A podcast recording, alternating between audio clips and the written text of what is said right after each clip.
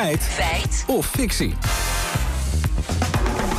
Ja, Lieke, over je vijf weken voor de verkiezingen terugtrekken van de kandidatenlijst. Ja, vorige week maakte Tweede Kamerlid Kouter Boetjeliek van GroenLinks Partij van de Arbeid bekend dat ze zich terugtrekt van de kandidatenlijst inderdaad voor de verkiezingen.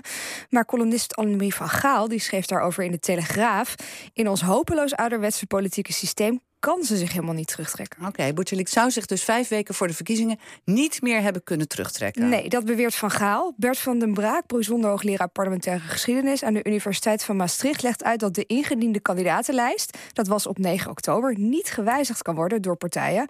Want in onze kieswet staan dit soort deadlines. Je zou kunnen zeggen, ja, dat kan misschien ook nog wel twee of drie weken later. Maar ik denk dat dat gewoon ook, dat, dat zou de, kieswet, de kiesraad eh, moeten bepalen. Maar ik denk dat daar gewoon wel beperkingen aan zitten. En, ook dan kan het natuurlijk nog steeds dat er dan ook dan nog iemand zegt van ik sta wel op de lijst, maar ik, word toch niet, ik wil toch niet gekozen worden. Dus ja, dat is een beetje onvermijdelijk. En, ja, het, en het is ook iets wat eigenlijk heel zelden voorkomt. Dus ja, eerlijk gezegd zie ik het probleem niet zo. Ja, de deadline is dus verstreken. De kandidatenlijsten die staan nu vast. Maar het is voor Boetjelikt geen probleem, zegt Wim Voermans... hoogleraar staats- en bestuursrecht aan de Universiteit van Leiden. Je kunt best als kandidaat zeggen... ik ben alsnog niet verkiesbaar. Uh, ik uh, stop ermee. En dan kan zelfs de kiesraad nog tot een, tot een heel laat moment daar een voorziening voor treffen. Om te kijken hoe dat aan de kiezers duidelijk te maken is dat een van de kandidaten uh, die op een kandidatenlijst staat, niet meer beschikbaar zal zijn voor die verkiezingen. Het is volgens Van der Braak in het verleden ook wel eens voorgekomen dat gekozen mensen vlak na de verkiezingen besluiten om de Kamer toch niet in te gaan. Ik noem er maar één. Jan-Peter Balkenende bijvoorbeeld, nou, de verkiezingen van 2010 uh, ja, en zo zijn er meer. Ook wel, ook wel Kamerleden die veel, veel minder bekend zijn. Ja, het kan natuurlijk altijd dat daar mensen op gestemd hebben. Ja, en dan blijkt dus dat zo iemand dan toch niet uh, in de Kamer gaat zitten. Dat kan. Uh, ja, dat, dat is ook een vrijheid van, van kandidaten. Oké, okay, maar wat gebeurt er nu in het geval van Boetjeliet? Ja, Voermans legt uit dat het in haar geval de kiesraad zich in deze tijd moet gaan buigen over de vraag hoe informeren we de kiezer over wat er aan de hand is. Je kunt zeggen van nou, het is al bekend genoeg uh, dat als je op haar stemt, dat de uh, risico bestaat dat, haar, uh, dat die stem verloren gaat.